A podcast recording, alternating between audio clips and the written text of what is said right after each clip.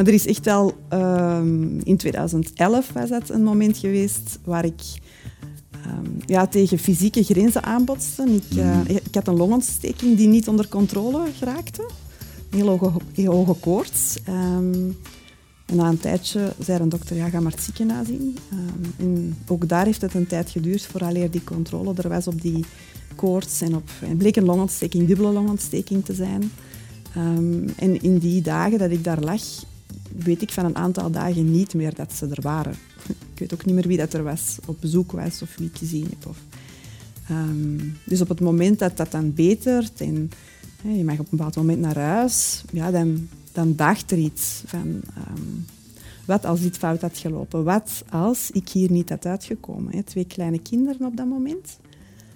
Ehm, ja, wil ik, zowel voor de kinderen als in het geheugen van de mensen achterblijven zoals ik nu bezig ben. Hallo, mijn naam is Peter Perceval. Welkom bij Keerpunt, een podcast over gewone mensen die buitengewone keuzes maken in hun leven. Mensen zoals u en ik die hindernissen, uitdagingen, problemen, veranderingen tegenkomen in hun leven en vertellen over de manier waarop ze daarmee zijn omgegaan. Omdat het voor iedereen inspirerend kan zijn. Wil u nog meer van deze podcast zien of beluisteren? Abonneer u dan op onze nieuwsbrief via www.inspiringspeech.be en wij brengen u twee wekelijks op de hoogte van onze nieuwe afleveringen.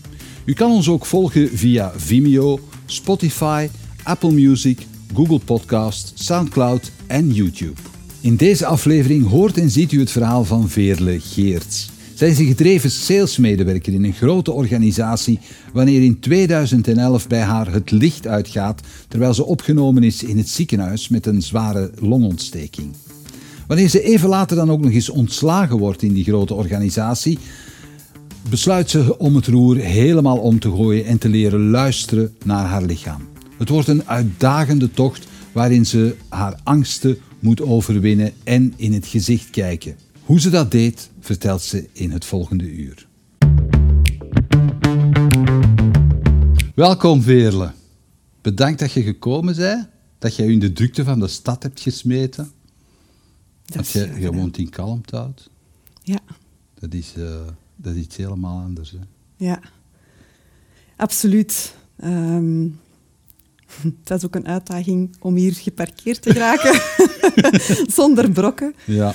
Ehm, ik zou iedereen aanraden uit de stad gaan een keer in kalmte uitwandelen en kom eens tot rust. dat is niet zo rap op in de klakson zitten. Ja, zoiets. Vele, je hebt daar een pasje bij. Mm Maar dat jij mij daar net iets over verteld hebt, dat ik zei van, dat is echt een fantastisch verhaal. Vertel eens. Ja, dit is Leef je missie-thee. Oké. Dat is uh, kruidenthee die samengesteld is door een toffe madame, die noemt, noemt toevallig ook Veerle, ja. van A Volonté. En die heeft naar mijn verhaal geluisterd in Wat doe ik? En die heeft daar een samenstelling kruidenthee op gemaakt, zodanig dat er kruiden in worden verwerkt die zorgen dat mensen dichter bij zichzelf geraken. Want dat is wat je doet nu? Ja, dat is wat ik doe. Ehm, mensen terug dichter bij hun echte kern brengen zodanig dat ze kunnen doen wat ze te doen hebben. Mhm. Ehm, dat ze hun eigen verhaal kunnen leven, dat ze zelf aan het roer staan. Ehm, ja, en dat je op een moeiteloze manier je eigen leven kunt leven. Zonder je eigen constant te, tegen te houden en te saboteren. Op een moeiteloze manier, zeg je? Ja, liefst. Zijn er mensen die dat nu doen mee op een heel moeizame manier dan? Ja, Um, ik zie dat veel mensen, en ik uh, kijk dan ook naar mezelf, vooral in het verleden, en ik kom nog wel dingen tegen, maar dat veel mensen um, ja, van alles doen, maar dat ze innerlijk toch struggelen met heel veel. Mm zichzelf tegenhouden, het leven van een ander leven, uh, wat ze geacht worden te doen, maar eigenlijk niet helemaal naar hun, hun innerlijke stem luisteren, als ik het zo mag zeggen. Ja. ja. Was dat ook bij jou het geval? Ja. Als jij je nu zou moeten beschrijven aan iemand, hoe zou je jezelf uh, beschrijven? Um, Zoals je nu bent, hè? Ja, ja, ja, absoluut. Ehm, ja. Ik hou van mensen. Mhm. Dat heb ik altijd gehad. Ehm, ik ben veel rustiger geworden. Ik was vroeger iemand die alleen maar ging en vooral eh, deed. Ehm, aan een zeer hoog tempo. Dus ik ben veel rustiger geworden. Ehm, ik neem de tijd om echt bij mezelf te komen en te zien van... Klopt dit nog? Klopt Mhm. dit verhaal nog? Kloppen die stappen nog die ik zet? Ehm, en als ik merk dat ze niet meer kloppen, van ja, wat heb ik dan te doen? Waarbij ik vroeger eigenlijk vooral vanuit mijn hoofd maar deed. Mhm. Wat geacht werd, wat gevraagd werd. Zelfs niet overdacht van, klopt dit voor mij? Ja. En wat moeten we weten om jou te kennen? Ehm, ja, ik denk dat het goed is om te weten wie ik ben ehm, nu. Ik ben 45, ik ben mama van twee kinderen, Mhm. twee jongens. Ehm, ik geloof dat alles wat rond ons is een spiegel is. Dus die kinderen spiegelen mij veel, waar ik heel veel van leer. Ik zie ook ehm, alles als leermogelijkheden. Overal waar je tegenaan loopt, ehm, is een opportuniteit om uit te leren omdat dat eigenlijk heel veel van jezelf spiegelt. Dus die vinger die je naar een ander wijst, dat zijn er Mhm. inderdaad twee naar een ander, maar drie naar jezelf. Mhm. Dus dat, dat is iets waar ik heel veel bezig mee, mee, mee bezig ben voor mezelf ook. Hè. Groeien in kleine en grote stappen. Ehm, naar een beter mens. En van daaruit ook ehm, willen bijdragen aan een betere wereld. Waar is die behoefte uitgekomen van, van te willen groeien, van, van een beter mens te willen zijn? Vond je je vroeger dan een slecht mens? Nee, niet, niet, ik deed geen gekke dingen of zo. ik denk niet dat ik een slecht mens was. Ehm, maar er is echt wel... ehm, in 2011 was dat een moment geweest waar ik ehm, ja, tegen fysieke grenzen aanbotste. Ik, eh, Mhm. ik had een longontsteking die niet onder controle geraakte.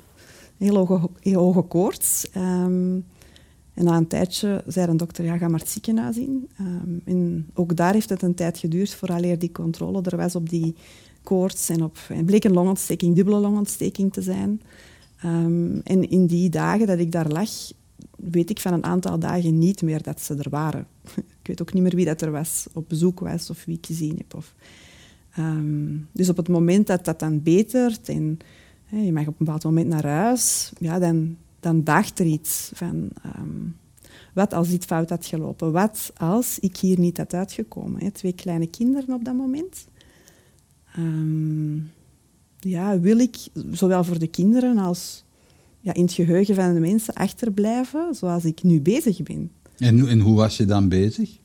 Ehm, ja, ik was eigenlijk een redelijk afwezige moeder eh, met ja, veel focus op carrière, veel werken. Ehm, we hadden ook een nanny die de kinderen opvang, ving. En dan denk je, wa, ze hebben alles wat ze nodig hebben. Maar ja, een moeder is eigenlijk niet vervangbaar. Voelde je je daar dan schuldig over op dat moment? Ja, ik heb eh, niet toen ik het aan het doen was, maar ehm, toen ik erover begon na te denken naar aanleiding van die eh, dubbele longontsteking en die dagen die echt verdwenen waren uit mijn geheugen, ehm, ben ik daar wel over beginnen nadenken. Ehm, van wat als ik er nu niet meer had geweest en hoe zouden de kinderen mij zich herinneren? En breder dan, hoe zou de wereld mij dan herinneren? Mhm. Ehm, ja, als een zeer drukke vrouw, carrièregericht, ehm, veel werken. ehm, ja, weinig thuis, weinig bij de kinderen. En als ik er dan was, ook heel vaak dan nog met de praktische dingen van het huishouden bezig. Dus ook niet echt ja, in de verbinding. Hè. Veel praktisch ondersteunend, dat wel, maar niet in de verbinding. Dus ja, op, op het moment dat ik dat zag, had ik wel zoiets van, oh, wil ik dit nog? Hè? Wil ik het niet anders? Mhm. Maar op dat moment, ehm, ja, Maar dat betekende dat je dus echt, je was heel carrièregericht, zeg je. Je, Mhm. was, je, je, je was ambitieus ook. ja, Je wilde dat ook allemaal doen. jawel. Eh, hoe kwam dat eigenlijk? Hoe, wie, wie, was, wie was Veerle toen ze pakweg 14, 15, 16 jaar was? Ehm, iemand die het altijd goed wou doen. Ehm, En, en hoe kwam dat? Ja, hoe komt zoiets? Ehm, Werd dat heel erg gestimuleerd thuis? Ja, bij ons thuis zijn het werkers. Hè. Ja. Je gaat niet op je gat zitten of eh, ja, Gezonde Vlaamse Ja, mentaliteit door- zo. doorzitten en Ja. eh, werken. En, Mhm. en dat hoort erbij. En ehm, ja, liefst het ook wel goed doen. Dus ja, ik denk dat ik ook wel een stukje van thuis meegekregen heb, wat ook wel positief is natuurlijk, hè, want je leert ook wel doorzetten. Mhm. Ehm, maar op een bepaald moment misschien ook ten koste van jezelf. En En waren er toen al momenten dat je daar een uitweg voor zocht? Ik bedoel, Nee. bij, bij vriendinnetjes of eh, Nee. op... nee, In- nee. nee, ik had een vriendje, een vast vriendje, heel vroeg. Ja? Eh, ja. Ehm, dus dat was mijn leven eigenlijk. Veel leren en studeren, want ik wou dat goed doen. Ik, ik moest er ook wel iets voor doen. Het was niet dat het vanzelf ging. Dus ik, ik deed ook wat er verwacht werd. Ehm, ik, ik ben ook een studie gaan doen na het middelbaar die... Ja, ik wist eigenlijk ook niet wat ik wou doen. Dus ja, ik, ik trad een beetje van, ja, in de voetsporen van mijn vader. Van, eh, een, economische, een, Ah, eh, een economische richting. Eh, hij was bedrijfsrevisor, intern bedrijfsrevisor. oké. Ehm, en ik had er ook aanleg voor. Hè? Dus het was niet dat dat iets was dat niet bij mij, mijn goed talenten paste. Ja, absoluut. Ja. Mhm. En ik deed dat ook wel graag. Ehm, wat wel duidelijk was na mijn studie accountancy fiscaliteit, was dat ik eh, niet op een boekhoudkantoor wou beginnen werken. Want ik had wat vakantiewerk gedaan op een Dat wil boekhoudkantoor. nu toch lukken dat we een van de vorige gasten die we hier hadden, die heeft exact hetzelfde. Nee, dat is niet waar. Ook accountancy, fiscaliteit Echt? en die kwam daaruit, dus ik wil geen boekhouder worden. Echt waar. Ja. Ja.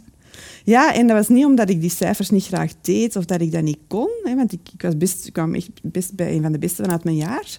Uh, maar ik zag mij niet op een boekhoudkantoor zitten met weinig contact met mensen. Dus ik voelde toen al wel, ik wil iets met mensen, contacten met mensen doen. Ik, ja, dat is hetgeen wat ik echt wil doen. Ja. Uh, en dan heb ik wel, naar aanleiding van die studie, ik heb die wel kunnen gebruiken, gelukkig. Uh, ik ben wel een salesfunctie gaan doen, dus met veel Waar contact. deed je dat? Boekhouding of? Die salesfunctie? Die salesfunctie. Mijn eerste job was bij Gradon, een uh, handelskantoor, een financieel handelskantoor, dat uh, financiële handelsrapporten maakt over bedrijven Ja, ja. um, en analyses maakt. Um, en op zich kon ik dus mijn financiële achtergrond goed gebruiken in contact met financieel directeurs van bedrijven. Um, en ik vond dat eigenlijk twee vliegen in één klap, hè, want ik kon die achtergrond gebruiken en ik had het contact met klanten. Dus mm. met mensen, ik was veel de baan op en dat was eigenlijk best wel leuk.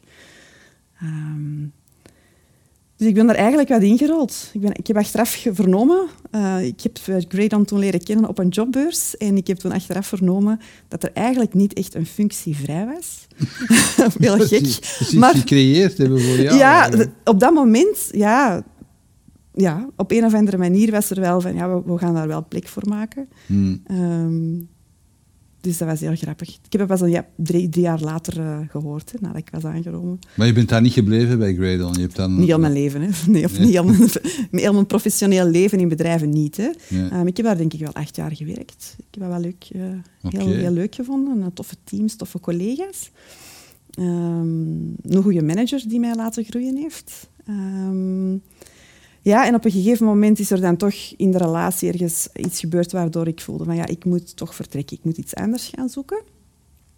Um, en dan ben ik weer in een salesfunctie terechtgekomen, uh, bij een sociaal secretariaat. Um, ja, en zo ben ik eigenlijk een aantal functies. Ik heb telkens wel een aantal jaren in hetzelfde bedrijf gewerkt, uitgezonderd bij eentje, maar um, ik rolde van de ene salesfunctie in de andere. Ja. Um, omdat ik dat wel kon. Maar dat is ook heel competitief, sales doen. Absoluut. Ja. En dat lach je?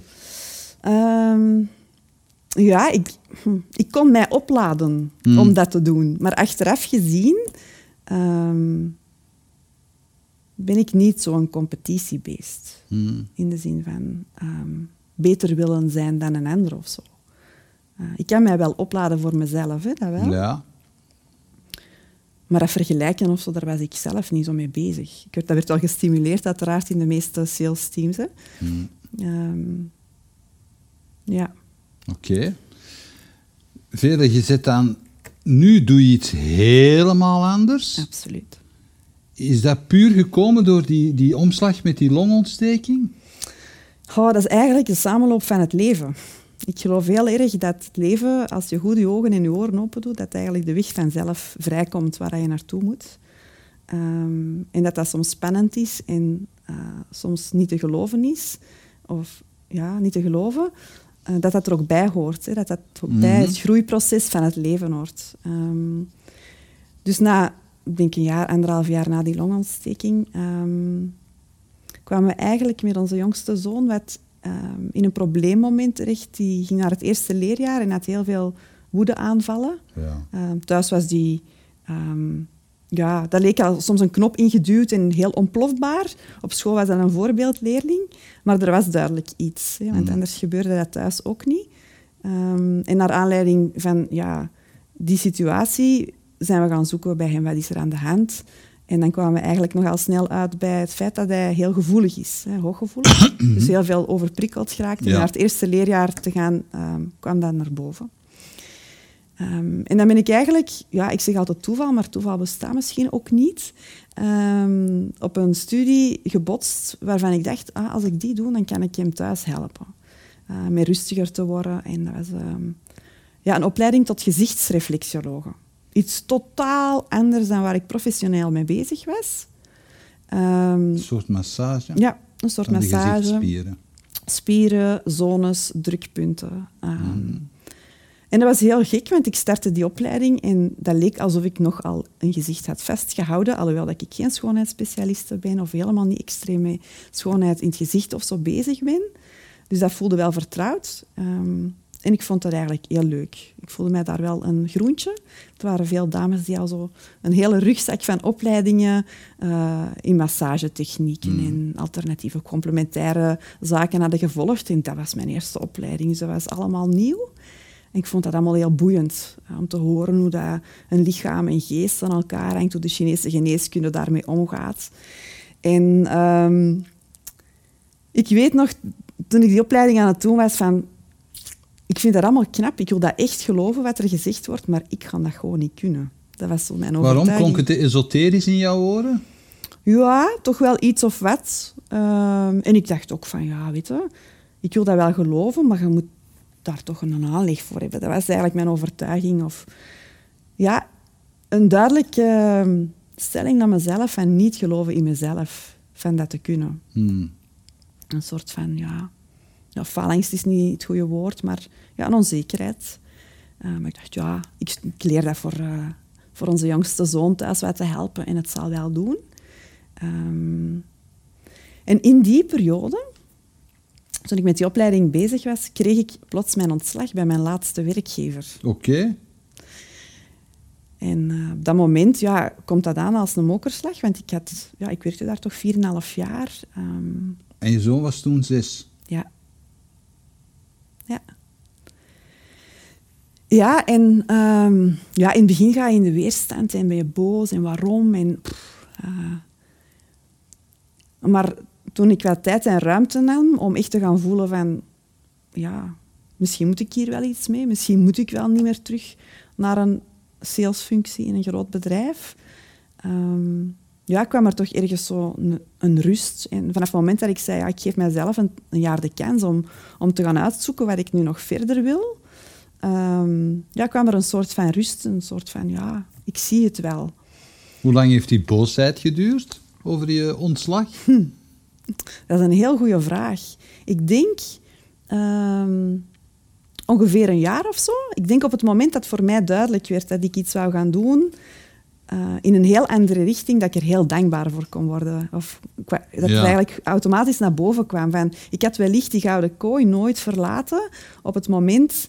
eh, als ik het zelf had moeten doen, hè, had ik ze nooit verlaten. Dus die, dat ontslag geeft mij eigenlijk eh, de kans gegeven om daar open naar te gaan kijken, zonder dat ik financieel daar op dat moment een zware opdoffer voor kreeg. Want ik, ik werd uiteraard, doordat ik er lang werkte, ook wel uitbetaald. Ja. Ehm, dus dat was eigenlijk een cadeau. Dus ik denk, ja, op het moment dat het duidelijk werd van ik moet, ik moet hier iets mee doen. In mijn stageperiode van de gezichtsreflex werd dat heel duidelijk dat het niet zomaar wat masseren was en dat het ook echt wel wat bracht voor mensen. Veel rust, ehm, ja, veel energie ook terug. Ehm, was voor mij duidelijk van ja, ik moet hier waarschijnlijk toch iets meer mee doen dan enkel Maar jongste verstoorde het het beeld dat je had van jezelf ook? Want hey, Ja. je zei daar straks van, ja, ik ben heel ik was een heel braaf kind eigenlijk. En ik had, zo, ik had een vast vriendje. En ik, je had je leven eigenlijk al helemaal voor u uitgestippeld. Ja. En je was dan mama geworden. Je had, eh, je had, hè, dat, was, dat was echt een, een, een, beton, een betonnen leven Ja, dat eigenlijk. was heel duidelijk. Hè? Ja. Ehm, en misschien voorspelbaar. En... Maar ik miste wel iets. Ik miste een soort van zingeving, een soort van ehm, ja, levensvreugde, ehm, bijdrage kunnen leveren, echt effect zien. Ehm, ja, Is dat iets wat je herkent bij de mensen die nu bij je komen ook? ja, toch wel. Toch wel. Zou je dat een, een moderne ziekte durven noemen? En hoe zou je die noemen? De moderne ziekte van? Gebrek aan zingeving? Ja, ja, toch wel. Ja? Ja, en ehm, ja, het durven ontdekken van je eigenlijke talenten en die durven inzetten. Want die talenten die je moeiteloos kunt exploiteren, die ehm, zijn ook de toegevoegde waarde. Hè? Ja, maar nu komen we op iets, Veerle. Als je spreekt met mensen over talenten, dan gaat dat dikwijls eh, in, in termen van eh, de arbeidsmarkt Ja, eigenlijk. maar daar gaat het niet over. Oké, Ja. waar gaat het dan wel over? Ik denk dat iedereen unieke talenten heeft, hè, de combinatie, en dat die vaak niet eens beschreven zijn hè, in Mhm. een, een functie of zelfs met woorden. Ehm, ik noem mijzelf nu rustbrenger met een missie. Ehm, ik probeer daarmee te omschrijven wat ik doe en wat ik breng, Ehm, maar dat is niet in een hokje te brengen. Mhm. Ik ben zelf gevoelig, dat zet ik in. Ik heb dat mogen ontdekken door die gezichtsreflex te, te doen bij anderen. Ehm, dus blijkbaar is dat een talent om zeer goed aan te voelen wat er leeft in iemand anders. Ehm, ik was mij daar nooit zo bewust van. Ik heb dat wellicht ook daarvoor al wel ingezet in mijn sales, uiteraard. Zou heel Ehm, nuttig zijn als je sales doet, hè? Ja. Dat je anderen echt super aanvoelt en weet van, oh, die persoon kan ik nu dat Ja. aanbieden. Ja, klopt, maar... goh, hoe moet ik het uitleggen? Het voelde vaak ehm, manipulatief aan. Hè. Je Ja. leert daar ook Mhm. ehm, vraag creëren. Behoefte creëren. Ja. Ja, begrijp ik, ja. En ehm, in functie van cijfers. Mhm. Dus dat is op een andere manier. Ja, je kunt hè, dat gevoelig zijn of dat invoelen. Je kunt dat ook manipulatief gebruiken. Dus op een of andere manier, ja, is dat ook beangstigend. Hè? Mhm. En dan heb je de keus van hoe zet ik het in. Ehm, dus ja, ik, ik, ehm, ik probeer het in te zetten als, een, als informatie, extra informatie, zonder oordeel, zonder ehm, rug- richtingduwer eh, Mhm. te zijn. Ja, Ja. oké. Ehm, dus ja, de, de mensen die bij mij komen, daar herken ik best wel wat van mezelf in. Ehm, in het proces dat ik zelf gelopen heb, naar dichter bij mezelf komen, mijn eigen talenten ontdekken en die durven inzetten en daar ook zichtbaarder mee worden en ermee naar buiten komen. Oké, maar dan gaan we het eens over dat proces hebben. Mhm. Want als jij het herkent in anderen, dan gaan anderen het ook nu herkennen in jou. Ja, absoluut. Hoe, hoe verliep dat dan? Je hebt eerst gezien van, oké, die sensitiviteit van mijn zoon, dat is iets dat ik ook heb Ja, eigenlijk. dat, is dat heb ik ontdekt met effectief de stap te maken om die gezichtsreflexologie professioneel te gaan doen. Ehm, dat was al een hele grote stap. Hè. Dus was, het proces was daar al gestart. Maar als je zegt, hè, als we zeggen sensitiviteit, dan, ga je, dan heb je ook, eh, eh, je kunt ook eh, last hebben van heel veel indrukken bijvoorbeeld. Ja, Hè, van heel veel, van als er te veel op een dag op je afkomt, dat je echt eh, een soort overload krijgt en een crash doet. Eh, had je dat al meegemaakt dan? Echte crashes had ik nog niet meegemaakt. Ehm, maar ik voelde wel bijvoorbeeld dat ik ehm, in mijn job tot dan toe, dat ik, wel richt, dat ik heel hard moest oppassen niet richting een burn-out te gaan. Mhm. Ehm, dus die, die sensitiviteit, die we, achteraf gezien was die er ook al wel. Ja, dus die overprikkeling was er wel. Maar ik was vooral ook heel flink. Hè? Dus ik, ik deed daar ook niet altijd iets mee. Hè? Ja, wat, wat, wat wil dat zeggen? Jij, als je flink bent, wat, hoe, hoe, wat zeg je dan tegen jezelf? Niet zo flauw doen, hè? Het hoort erbij. Ja, en in een bepaalde periode ook, ah, ik ben moe, ik zou eigenlijk nu voor mezelf moeten zorgen. Dat, die zelfzorg was er niet. Dus ik dronk gewoon twee koffies extra en ik ging door. Dat is interessant dat je dat zegt, want dat is nog de reactie van zeer veel mensen. Die zeggen van, ja, maar de wereld is nu eenmaal zo. Ja, maar je hebt een keuze. Een keuze om daarin te blijven meedraaien totdat je crasht. Want vandaag of morgen gebeurt dat dan toch. Mhm. Of om daaruit te stappen. En die keuze is niet altijd gemakkelijk. En je wordt daar wellicht ook in tegengehouden door jezelf. Omdat verandering altijd wel moeilijker lijkt dan te blijven doen wat je deed. Oké. Ehm, en bij mij was bijvoorbeeld een hele belangrijke... ehm, waarom ik het nog niet had gedaan. Eh, wellicht omdat er geen eh, kader was, geen opportuniteit was. Maar ik had ook wel een achtergrond waarbij mijn ouders duidelijk overtuigd zijn van... als werknemer, dan heb je zekerheid. En dat er een bepaalde visie is over het zelfstandige leven. Ja, ja. Wat maakt dat je dat kader ook meegekregen hebt. Mhm. Dus dat het ook heel beangstigend is om die stap te zetten van andere dingen te gaan doen. Eh, en als dat dan richting zelfstandige statuut uitwees van... Wow, dat is onzeker. Dat is de, perceptie. Bovendien, eh, bovendien in een sector die een beetje ja, Ja, wollig is. absoluut. Hè? Daar is geen vraag voor. Hè? Ja, Dat was hetgeen ja. wat ik als reactie kreeg. Ehm, dus ik kreeg daar wel wat tegenwind. Letterlijk. Er werd echt wel mij een poging gedaan om mij te overtuigen om toch niet door te zetten. wat deden ze dan? Ja, ik heb een, een heel indrukwekkend gesprek gehad met mijn ouders. En achteraf ben ik ze er eigenlijk ook wel dankbaar voor, want dat heeft mij net krachtiger gemaakt. Mhm. Eh, en het was uiteraard met een heel goede bedoeling eh, om mij te beschermen. Hè, want vanuit hun visie was dat een enorme risicovolle stap die ik zette. En dat ging niet lukken. Dus ja, ze wouden mij ook wel ehm, het eh, ik kom het muur-syndroom tegen. om, om mij daar eigenlijk van te behoeden. Ehm, dus dat was met alle goede bedoelingen, maar ze hebben me echt op een half uur proberen te overtuigen dat ik dat niet mocht doen, dat ik die stap niet moest zetten, want dat dat, dat, dat niet ging lukken, dat je beter kapper wordt, want daar weten ze zeker dat er mensen komen. Allee. Als ze niet kalveren normaal, hè, Peter? Kapper? dat, was het, dat werd dan Ja. lacherig op dat moment gezegd. Van, ja, Ja, de- In de kapperswereld is er meer job dan, dan, wat, je- dan wat gezichten masseren. Hè? Dus ja, en, en dat is, ik begrijp dat ook, hè, dat dat Hmm. vanuit hun visie op dat moment de waarheid was. Ja.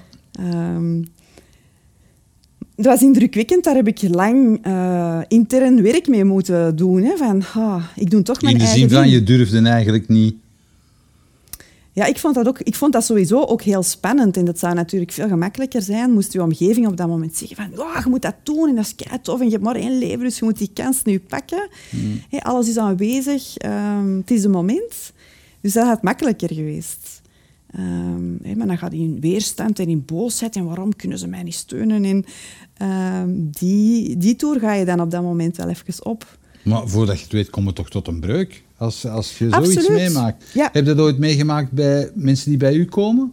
Die dan, die dan ontdekken van... Ah, maar dat is eigenlijk wat ik, wat ik hier kom doen. Mhm. En die dat thuis gaan vertellen en dan ontploft de boel. Ja, dat kan. Wat moeten we daar dan mee doen? Ja, iedereen heeft daar een vrije keuze in. Hè? En het kiezen voor jezelf en je eigen pad ehm, heeft soms consequenties. Eh, maar ik, ja, ik vond dat ook een heel moeilijke om daar... ehm, ik heb een tijdje afstand genomen om, om Ja. daar ja, eerst in mijn eigen kracht te kunnen gaan staan en daar volledig in te staan en te doen wat ik te doen had. Niet van, ik zag ze niet meer, mijn ouders. Ehm, maar ik heb daar zelf wel ehm, aan mezelf moeten werken om dat ook terug een stuk in liefde te kunnen zien. Dat zij dat ook wel deden vanuit hun eigen perspectief en vanuit mij beschermen voor slechte dingen. Hè? Want dat was hetgeen waar zij aan dachten van, we willen niet dat je in je ongeluk loopt. Hè? Om, om genoeg kracht te hebben voor jezelf ook. Ja. Ja. Ja. Wat vond je partner er eigenlijk van? Oh, die heeft mij altijd laten doen. Die zei Ja? van, ja, als je dat wilt uitproberen, moet je dat vooral doen. Dus ik, dat was een Wat, zegen. wat doet hij? Ehm, hij zit ook in een salesfunctie. Niet meer een rechtstreekse salesfunctie, maar ehm, Hij werkt bij een, een uh, Amerikaans bedrijf Mhm. dat uh, industriële epoxyvloeren um, aanbiedt aan de uh, voedingsindustrie, de farmacie. En hij is eigenlijk een, um, de lijm, zal ik zeggen, tussen het bedrijf en tussen partners en de farmacie uh, wereldwijd. Of ja, okay. wereldwijd. dus hij... Dat is echt een heel andere wereld. Ja. Hij is in een tijd trouwens een salesfunctie gestart door mijn goede invloed. Je hebt op het verkeerde pad gezet. Bah, zijn pad waarschijnlijk. Ja, oké. Okay. Dus, uh, ja. ja. De mooie en toffe verhalen van op de baan hadden blijkbaar een positieve invloed. Oké. Okay. Ja. Maar hij heeft wel gezegd van oké, okay, ga daarvoor. Ja. Ja. Ja. Maar je bent niet blijven stilstaan bij gezichtsreflexologie. Nee, uh, ik merkte um, dat het eigenlijk een beetje trekken en sleuren was. Dus op een of andere manier had mijn vader misschien wel gelijk dat dat um, iets nieuw was. Mm. Hè? In België zijn er niet zoveel gezichtsreflexologen. Um, dat dat niet zo gemakkelijk in de markt te zetten is. Ik, was wel, ik had wel een commerciële achtergrond, maar uzelf dan met iets dat je eigenlijk nog maar pas doet in de markt zetten, met overtuiging, dat is geen evident. En dan komt u zelf niet ene keer, maar tien en honderd keer tegen. Hebben elkaar leren kennen, hè? Ja. ja. Um, dus dat is heel hard werken aan jezelf als je Ja. je pad loopt en daar ook nog eens zelfstandig mee wordt. ja. Um, maar ik merkte ook dat, um, dat dat voor mij allemaal te traag ging. Er was precies een innerlijk weten van... Er zijn andere manieren om saboteurs en blokkades bij mensen op een zeer efficiëntere, een efficiëntere manier op te lossen. Die, dit, er klopt iets niet. Het lichaam kan meer dan dit. Dat was precies iets dat, ja, dat ik wist. Ja, maar ja, ik wilde er even op terugkomen, omdat je zei daarnet in verband met je uh, longontsteking die je deed, ja. Van dat ze eigenlijk niet wisten van hoe ernstig dat, dat was op dat Ja. moment. In hoeverre was dat een soort voor, uh, voorspelling eigenlijk van, van uw vraag. crisis? Hoe zie je dat zelf? Ja, dat is een goede vraag. Um, ik zie ondertussen uiteraard de link tussen organen en emoties die niet verwerkt zijn. Hmm. En uh, verdriet is een belangrijke emotie die op de longmeridiaan zit, dus ja, ook op de longen. Um, en achter, als ik nu heel, zoveel jaren verder ben, want ik heb ondertussen de praktijk zeven jaar, um, ja, heb ik heel wat verdriet in mijn persoonlijke ontwikkelingsprocessen tegengekomen. Um, ja, verdriet op verschillende gebieden. Bij jezelf? Bij mezelf, in mezelf. Mhm. Dingen die ondergesneeuwd waren, waar ik ook niet bij kon. Ik heb ook leren huilen. Ik, ik was ook iemand die heel, als gevoelige persoon heel weinig huilde vroeger. Maar dat was een soort van... Hoe kwam dat? Ja, een, een soort van flink zijn. Flinke meisjes huilen niet. Zoiets. Ehm, En welke soort dingen kwamen er dan boven dat je zei van dat had ik niet, ja, dat had ik ehm, doorgeslikt? iets ja, maar iets heel ehm, gek, dat verschillende keren is teruggekomen op verschillende manieren in mijn processen, is bijvoorbeeld de miskraam tussen mij en mijn zus. Dus wij zijn met drie thuis, zeg ik nu. Hè, Vroeger zei ik, wij zijn met twee. Ik heb een zus en, vijf jaar, en die is vijf jaar jonger als ik. Eh, maar daar zit dus een, een miskraam tussen. En Dat, dat je is, als kind hebt meegemaakt. Ehm, goh, als kind, ik heb dat niet actief meegemaakt. Hè. Ehm, dat was niet dat dat tegen mij gezegd wordt, je krijgt een zusje of een broertje en, en, en plots was het er niet meer. Hè. Dus het was een, een vroege miskraam. Ja. Dus ik heb het niet bewust meegemaakt. Ehm, het is ook nooit een verborgen verhaal geweest. Hè. Het is nooit iets geweest dat niet mocht verteld worden. Hè. Want dat gebeurt ook nog wel eens in gezinnen, dat dat, dat nog onder de mat wordt geschoven, want daar spreken we niet over, want dat doet mama te pijn. Hè. Dus dat, dat was niet. Maar blijkbaar is dat iets bij mij ehm, waar verdriet op zat van mezelf, maar ook misschien wel onbewust aanwezig verdriet van mijn moeder die ik aangevoeld heb en die ook in Hoe mij oud was. was je dan toen dat gebeurde? Ja, dat weet ik niet exact. Dat zal ja, tussen de 0 en de 5 jaar, tussen de 0 en de 4 jaar, tussen de 1, 1 en de 4 zijn geweest, zeker. Hè? Ja. Dus je, je neemt effectief, emo- hè, er zijn emoties die bij jezelf ontstaan, maar je Ja. neemt er ook van anderen over. En daar ben ik blijkbaar heel gevoelig aan. Ehm, dus dat was in mijn lijf gestockeerd alsof er van mij verdriet zat. En er was ook een deel verdriet van mezelf, maar ook een deel dat ik overgenomen had vanuit die situatie. Hmm. Ehm, dus ja, daar ben ik op verschillende momenten tegengekomen. Ehm, heel gek ook, vanuit verschillende technieken waar mensen het niet wisten dat er een miskraam bijvoorbeeld was geweest tussen mij en mijn zus. En dat het toch naar boven kwam. En wat, wat- kun je zoiets iets vertellen? Wat, wat voor technieken Ja, waren ehm, ik heb- opstellingen? Ja, ik heb vorig jaar een eh, opleiding familie- en organisatieopstellingen gevolgd in Nederland. Ehm, en daar is dat in verschillende opstellingen naar boven gekomen. Eh, en dan heb je een concrete vraag die ehm, kan starten vanuit een vraag vanuit het nu. Ik loop Mhm. daar en daar tegenaan, over wat gaat dat? Hmm.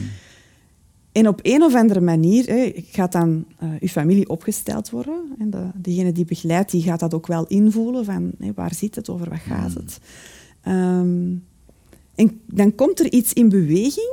Eh, iedereen volgt eigenlijk zijn innerlijke beweging als mama van mij, als papa van mij, als zus of enzovoort. Ehm, en plots stond er iemand voor mij en die had een kind vast. Ik, ik had het niet zien aankomen, maar dat ging over het niet geboren kind. En het gekke is in opstellingen, als je dat niet meegemaakt hebt, is dat heel moeilijk uit te leggen. Maar er gebeurt iets, dat is de magie van het leven dat ik dan zie gebeuren. Er raakt iets, je kunt niet zeggen wat dat dan is, maar er wordt iets aangeraakt en ik ben beginnen wenen. Op dat moment niet wetende wat het verhaal erachter was. Maar diegene die voor mijn moeder stond, op die manier voor mij, die zei wel van, dit is een gestorven kind. Die zei dat zelf? Ja, die, wist, die kende het verhaal niet. Mhm. En dan denk ik van, oh, nog een stuk. Ik wist het verhaal, ik kende het verhaal, maar het is blijkbaar niet het weten wat er speelt, dat zorgt dat het geheeld is of dat het losgelaten is. Wat was de les dan? Dat je het verdriet echt moest beleven? Of De les van? Van, dat moment. Ja, ja. Het, het, eh, het loslaten van het verdriet. Letterlijk in het lijf. Aha. In mijn lijf. Ja. Waar het nog ergens huisde. Nog een herinnering zat aan. Ehm, ja. Ik eh, heb het zelf wel eens meegemaakt, dit soort situatie. Hier, ook in een familieopstelling. Maar ik kan me voorstellen dat er soms mensen zijn die, als ze zo'n dingen horen, dat die zeggen van... Wat is dat voor hocus pocus? Vlieg jij rond op een bezem? Of ja, met volle maan doe ik dat wel. Hè. Als jongens thuis moeten daar soms mee lachen. Ja, ik, snap, ik snap die, ehm, die gedachten. Mhm. hè. Wat zeg je daarop? Komt een keer volgen, komt een keer meedoen. Komt een keer een opstelling. Mm. Je moet het echt beleefd hebben. Ja, dat is echt waar. Je moet het echt beleefd hebben en dan gaat er ook niet meer Maar je moet ook wel de vrijheid hebben om, om, om echt intuïtief ook te reageren als je ziet wat er gebeurt of wat er staat. Of als je deelnemer bent. Of, Ja, ja je, ehm, je mag je innerlijke beweging volgen, zeg ik altijd. Hè? ja. Ehm, dus Maar hoe vrij zijn mensen daarin? Goh, ik merk wel de mensen die zich eh, Ja, die inschrijven, die staan daar wel open in. ja. Hè? Dus dat is een Ja, goede maar vraag. Ik bedoel, ik bedoel als, je dan, als je dat nu vertelt... Ik heb wel eens mijn verhaal van mijn opstelling verteld aan mensen die daar totaal niet in ingewijd zijn. En die kijken echt van, zeg jij echt, jij zot of wat? Ja, dat ja, iedereen mag zijn mening daarover hebben. Ik ga ook Ja. niemand overtuigen. Hè? Ja, Ehm, dat is wel de, dat is de manier waarop je er ook in staat. Ik ga niemand overtuigen. Ja, absoluut. Iemand die voelt, bijvoorbeeld in, in dit geval, ik ben er zeker van dat er mensen die het verhaal gaan horen en na een kwartier of een half uur afgehaakt hebben en zeggen van... Maar er gaan ook mensen zijn die, waarbij het verhaal raakt en vanaf het moment dat ze zoiets hebben van dit raakt mij of dit herken ik op een of andere manier of hier moet ik iets mee, dan weet ik ook dat er een soort van klik is. Ehm, en als mensen dan hun beweging durven volgen, of familieopstellingen gaan opzoeken of naar mij contacteren of whatever, dat dat ook het juiste gaat zijn. Ik geloof dat wel. Is dat nu wat je doet ook, die technieken uit de opstellingen gebruiken? Of wat, wat, wat, je, je, je bent geëvolueerd vanuit de gezichtsreflexologie Ja. naar heel andere technieken dan? Ja, ja ik, ik, ehm, ik heb ondertussen een hele rugzak van opleidingen die mij meer en meer inzicht geven van hoe wij in elkaar zitten. En dan nog denk ik, wij weten nog maar dat. Hè. Er is nog heel veel onontgonnen gebied hoe dat wij echt in elkaar zitten. Ehm, wat wel maakt dat ik ondertussen een idee heb van hoe het komt dat wij onszelf tegenhouden. En hoe dat komt dat we dingen meemaken en waarom dat we dingen opnieuw en opnieuw beleven. Ehm, en de technieken die ik gebruik, ja, ik klik eigenlijk al mijn opleidingen in elkaar. Dus de techniek van familieopstellingen, die kan ik gebruiken, maar die, het is vooral de inzichten van hoe systemisch wij verbonden zijn met niet zichtbare lijnen met heel ons familiesysteem en de dynamiek die dat daar speelt, ehm, die ik eigenlijk meebreng in, de in kennis um, en mee ja, in de andere technieken die ik gebruik uh, eigenlijk complementair inzet. Het is vooral de inzichten van hoe we daar in elkaar zitten die ik meeneem. Um, ik, ik, werk eigenlijk nu vooral via het onderbewustzijn. Mm. Dat is ook weer zo'n ja, een verhaal waarbij veel mensen zeggen, wat onderbewustzijn, dat is, dat is allemaal heel spannend. Hè, want... Er moeten drugs verpakken. dat kun je doen. je kunt daar ook gewoon um, voor naar mij komen. um, ja, er, wij slagen nee, bewust en onbewust dingen op. snel dat je met een LSD-trip... Ja, ja, dat is het dus niet. Hè. Hypnose, zo. Nee, het is wel een, een ja, een trance vorm misschien, hè, waarbij ik mm. mezelf in een heel rustige situatie, heel rustig breng, die bij mezelf. Mm. En dan heel hard concentreren op hetgeen wat, ik voel. Mm Wat er gebeurt en waar knopen zitten bij mensen. Um, maar in C ja, ben ik maar een stukje begeleiding op die weg. Hè, want alles zit al in de mensen die bij mij komen. Hè, dus ik, ik, ik, ga niks toevoegen. Hè. Ik ga alleen voelen van waar zitten knopen die uzelf in de weg zitten om uw doelen te bereiken. Of, of de patronen die je wilt doorbreken, die dat je misschien al honderd keer met een gesprekstherapeut of een coach besproken hebt van ja, dat en dat moet ik doen, maar je geraakt er niet bij waar houd jij jezelf tegen onbewust? Hè? Hoe komt dat? Waar, waar zit dat in de oorzaak? En dan kom je op heel gekke dingen uit, hè, waarbij mensen ehm, eigenlijk onbewust niet helemaal voluit durven leven, omdat ze bijvoorbeeld ooit gestart zijn als een tweeling en um, in de eerste maanden of dagen zelfs die tweeling verloren is of doodgegaan is of mhm. niet, hè, niet mee gegroeid is.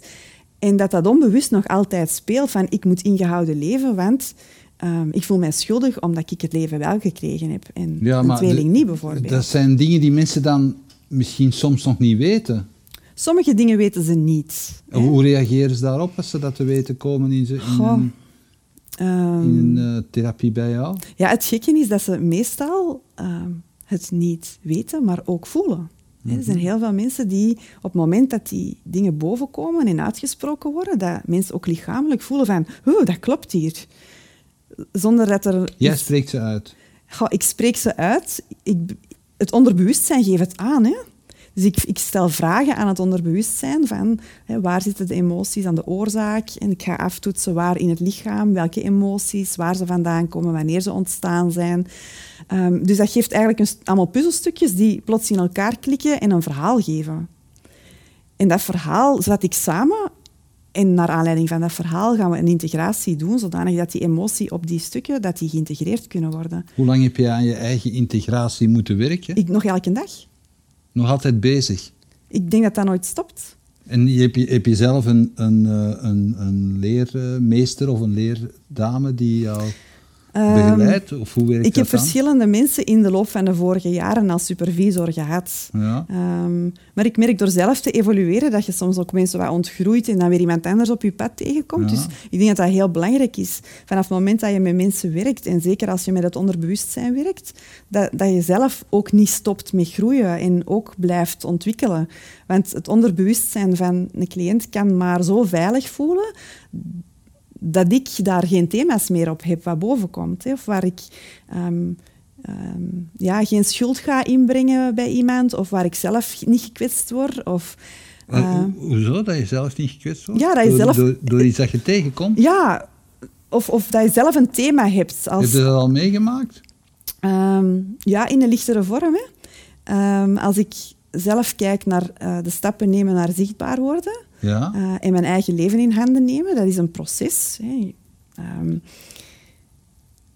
als je zelf nog helemaal in het begin van dat proces staat en je krijgt iemand die die vraag ook inbrengt, ehm, dan kan je iets tegenkomen, bijvoorbeeld zelfwaarde, Mhm. ehm, dat op dat moment nog een heel zwaar litteken bij jezelf is. En dan gaat het onderbewustzijn van de cliënt wellicht het thema niet eens boven laten komen, omdat dat bij mij ook nog te vers zit. Of te, te pijnlijk is. Dat, is. dat is hoe het onderbewustzijn werkt.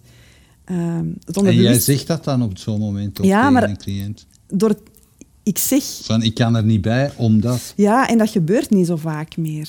Hmm. Hè? Dus ik geloof ook dat je de juiste mensen aantrekt. Dus eender in welke fase van je eigen ontwikkeling dat je zit, ehm, trek je ook die mensen aan die dat daarbij passen. Hmm. Ehm, maar om ja, zo breed mogelijk te kunnen werken, ehm, en zeker niet met een soort van ja, tegenoverdracht te zitten, waarbij je iets dat bij jou leeft op het bord ligt bij je cliënt, van dat gaat daarover, ja, moet je gewoon daar heel bewust van zijn en daar heel bewust mee omgaan van wat zijn mijn thema's. Dat je niet iemand iets aanpraat dat er misschien is. Ja, dat wil ik juist zeggen, ja. Het gaat daarover. ja. Ehm, dus ik, dat is heel belangrijk, allee, voor mij persoonlijk. Ehm, en Hoe, hoe weet je of je het bij het rechte eind hebt in zoiets? Wat is het rechte eind? Hè? Ik geloof op een of andere manier dat wat er boven komt, ehm, dat dat het juiste is. Hmm. En ik heb best wel wat bevestiging al gehad in het verleden dat mij nu die zekerheid geeft van ja, dat klopt ook wel. Hetgeen wat er boven komt. Het onderbewustzijn geeft dingen aan. Ik ken niet alle verhalen van de mensen die bij mij komen. Soms heb ik een omschrijving waar het thema is waar men aan wilt werken en soms is dat heel sumier. Ja. Ehm, maar op het moment dat er verhalen bovenkomen en puzzelstukken in elkaar klikken, dan moet ik gewoon ook vragen van, is dat herkenbaar? En als er dan bijvoorbeeld bevestigd is van ja, ik heb bijvoorbeeld op die leeftijd dat nu bovenkomt, ehm, mijn broertje verloren, mijn zusje verloren, ehm, ja, verdriet ja, overgenomen van mijn moeder en mijn vader, ja, dat snap ik. Dus heel vaak is door de puzzelstukken samen te leggen, is het een herkenbaar verhaal voor de persoon zelf. In die mate dat het moet herkend worden. Hè, want als er iets gebeurd is in de periode bijvoorbeeld tijdens de zwangerschap, eh, zeer impacterend en er komt een blokkade uit, uit die periode, ja, vaak weten de mensen zelf niet dat er iets speciaal gebeurd is in die zwangerschap. Doe je het ook bij jezelf? Bij je Dat kan. kinderen Ja, of maar, bij je man? ja, maar dat is, dat is heel moeilijk. Hè? Ja, Eh, de mensen die dichter bij, jezelf, ja. eh, die dichter bij jezelf staan, daar is het moeilijk. Want ehm, ja, dat zijn ook de mensen die jouw thema's naar boven brengen en waar je uit te leren hebt. Ehm, dus sommige dingen heb ik in het verleden al zeker eh, zowel bij mijn man als bij de kinderen gedaan. Maar ik merk ook hoe langer dat ik daar wel afstand van neem. Ehm, en als dat iets is dat een, een buitenkantvraag is. Ik denk bijvoorbeeld met een zoon die zegt, ja, ik heb een paar keer met een voet omgeslagen. Dat is toch gek dat dat altijd opnieuw gebeurt. Misschien zit daar wel iets onder, waardoor ik mij niet stabiel voel. Ehm, zoiets doe ik wel. Ehm, maar ja, veel thema's mag ik ook eigenlijk gewoon niet doen, omdat dat te dicht bij mij is. Hè. Ik ben niet de juiste persoon voor mijn Zoals eigen... wat bijvoorbeeld? Oh, wat zou dat kunnen zijn? Stel dat een van mijn kinderen emoties van mijzelf heeft overgenomen, ehm, dan zou dat kunnen dat dat er niet uitkomt uit die sessie bij mij, omdat er een zeer grote loyaliteit van kind naar ouders is. Die onbeschreven is, maar die is er altijd. Ja, ja, tuurlijk. Dus ehm, ja, Vele, als je kijkt naar uw parcours, in hoeverre is het moederschap echt een sleutelmoment geweest eigenlijk? hm, op dat moment besefte ik dat misschien niet, hoe, hoe belangrijk dat, dat was. Ehm, omdat ik ook nadien nog gewoon bleef gaan. Ja, Maar ondertussen weet ik wel dat de kinderen ehm, mijn belangrijkste spiegels zijn. Dus mijn grootste schatkist is om mijzelf te ontwikkelen. Ondertussen is mijn jongste 14 en is zwaar aan het puberen. Heel zwaar aan het puberen. en dat is een uitdaging, maar die, ehm, die heeft mij de laatste, het laatste half jaar geleerd om duidelijk te communiceren en duidelijk mijn grenzen aan te geven. denk van ja, dat had ik echt nog wel te leren. Om daar wat duidelijker in te zijn. Ehm, tot daar kunnen gaan. En nu zit erover. Dus dat is heel boeiend om te zien waar dat die kinderen blijven brengen. Hè? Dus wat meer dat die mij triggert, wat interessanter is het voor mijn proces. Het is niet altijd leuk, hè? laat dat duidelijk zijn. Het is een uitdaging. Ik ben nog altijd nieuwsgierig naar de, de, de, de link, de uiteindelijke link naar het talent dat je dan blootlegt. Hè? Hmm. Vind, hè, van, gaan van je talent naar je missie. Uh, ja. hoe, hoe leg je dat bloot in uw, in uw manier van werken? Wat, is er, wat gebeurt er? Ik geloof dat wanneer we onze emotionele rugzak opkuisen, mm emoties die niet verwerkt zijn, die ergens toch nog gestockeerd zitten in ons lijf en in ons onderbewustzijn, als je die stelselmatig opkuist, dat je meer en meer gealigneerd geraakt op jezelf. En je kunt daar uiteraard richting aan geven door net die blokkades op te kuisen die ervoor zorgen dat je ehm, te veel pleest, je grenzen niet aangeeft, niet kiest voor jezelf. Hè? Dus mhm. dat je die samenlegt en die blokkades opkuist. Uh, en ik geloof dat net door dichter bij jezelf te komen, dat het gewoon heel helder wordt welke talenten dat je hebt en hoe dat je die in de wereld moet zetten. Ja, A misschien wel, maar B, dus je weet dan welke talenten dat je hebt, maar hoe je die in de wereld moet zetten, dat lijkt me niet zo'n evidente. Dan is het eigenlijk gewoon het leven in toog houden. Het leven zit vol opportuniteiten en um, als de juiste dingen komen op je pad, uh, uiteraard niet door te mediteren achter je bureau en de intentie naar, de, naar boven te sturen en te zeggen van eh, stuurt mij op mijn pad waar ik nodig heb en voor de rest blijf je zitten achter uw bureau of op uw meditatiekussen. Dat werkt niet. dus het is de bedoeling dat je het leven leeft en actie onderneemt. Maar als je dan goed kijkt wat er passeert, dan, ehm, dan voel je wel wat, wat je te doen hebt. Ga als advocaat van een duivel spelen. Hè? Er, er passeert zoveel. Ja, dan is het kwestie van te vertragen. Hè? En, en hoe... hoe allee, je krijgt dan geen keuzestress. Of FOMO. Ha, wellicht, en is daar ook op, op te werken.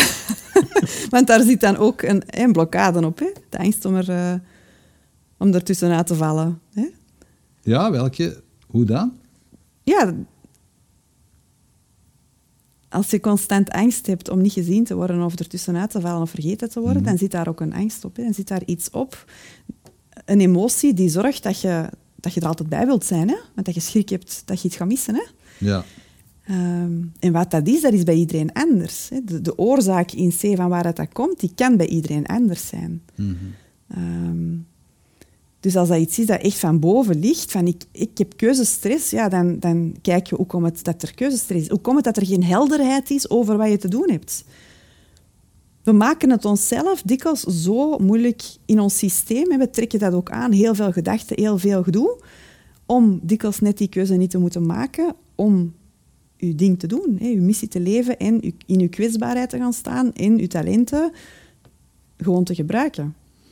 Maar uw omgeving kan die kwetsbaarheid ook wel in de weg staan, hè, Absoluut. Absoluut. Maar dan is aan iedereen de keus. Iedereen heeft de keus om daar wel of niks mee te doen. En de vraag is, als jij zelf je leven niet in handen neemt, wie gaat het dan wel doen? Oké. Ja. Je bent onverbiddelijk. Nee, ik ben ervan overtuigd, omdat ik zelf voel hoe dat het werkt. Ehm, en ook als ja, je komt in een soort van flow terecht, mm waarbij het echt moeiteloos kan gaan. Wil dat zeggen dat ik van s morgens tot s avonds moeiteloos alles doe? Nee, hè. ik heb ook soms dat ik in mijn hoofd schiet en dat ik denk van, oh, is het nu mijn hoofd of moet ik dat nu doen? Maar er zijn wel technieken om ehm, dat gevoelstuk duidelijker te hebben van waar je weg is. Je kunt er bijvoorbeeld met blaadjes werken waarbij je ankerpunten op de grond legt en zegt, oké, dit is het ankerpunt voor dat, dit is het ankerpunt voor dat, wat moet ik nu doen? En als je daarop gaat staan, kan je in je lijf echt voelen van wat er gebeurt. En krijg je ook duidelijkheid van, dit maakt mij sterk, dit heb ik te doen. En hier word ik zo een beetje zwalperig. Oké, dit zal het niet zijn. Dus er zijn best wel technieken om terug dichter bij dat gevoel te komen. Zeker, wij zijn mensen, hè? we hebben ons hoofd ook nodig. Hè? Dus het is niet alleen maar voelen, hè? je hebt ook wel het hoofd nodig, dat dient ook voor iets. Voor iets. Ehm, Is wat jij nu doet, is dat een definitieve vorm? Of denk, ben je onderweg naar... Ja, weet jij het? Nee, ik, ik vraag het aan nu. Goh, die ik... sketch van Gaston en Leo. Nee, dat staat Vliezen in César. Weet je het? Weet je het? Nee, ik, uh, ik, ik, geef mij er eigenlijk een beetje aan over van, van wat een definitieve vorm moet zijn of is. Ik, ik probeer uh, te leven en te zien wat er mijn pad kruist en zelf te ontwikkelen. En ik denk, zolang dat je zelf ontwikkelt, ja, dat je ook niet kunt zeggen van dit is een definitieve vorm. Ik denk dat er ook in ons altijd een vorm is van willen groeien, hmm. vooruit willen gaan. Dat is een evolutie die, die natuurlijk in ons zit. We houden ons alleen dikwijls tegen. En als je zelf de verantwoordelijkheid ten volle daarvoor kunt en wilt nemen, bewust en onbewust, ehm, ja, dan, dan ga je steeds vooruit. Dan, en ja, dan kan een vorm tijdelijk zijn,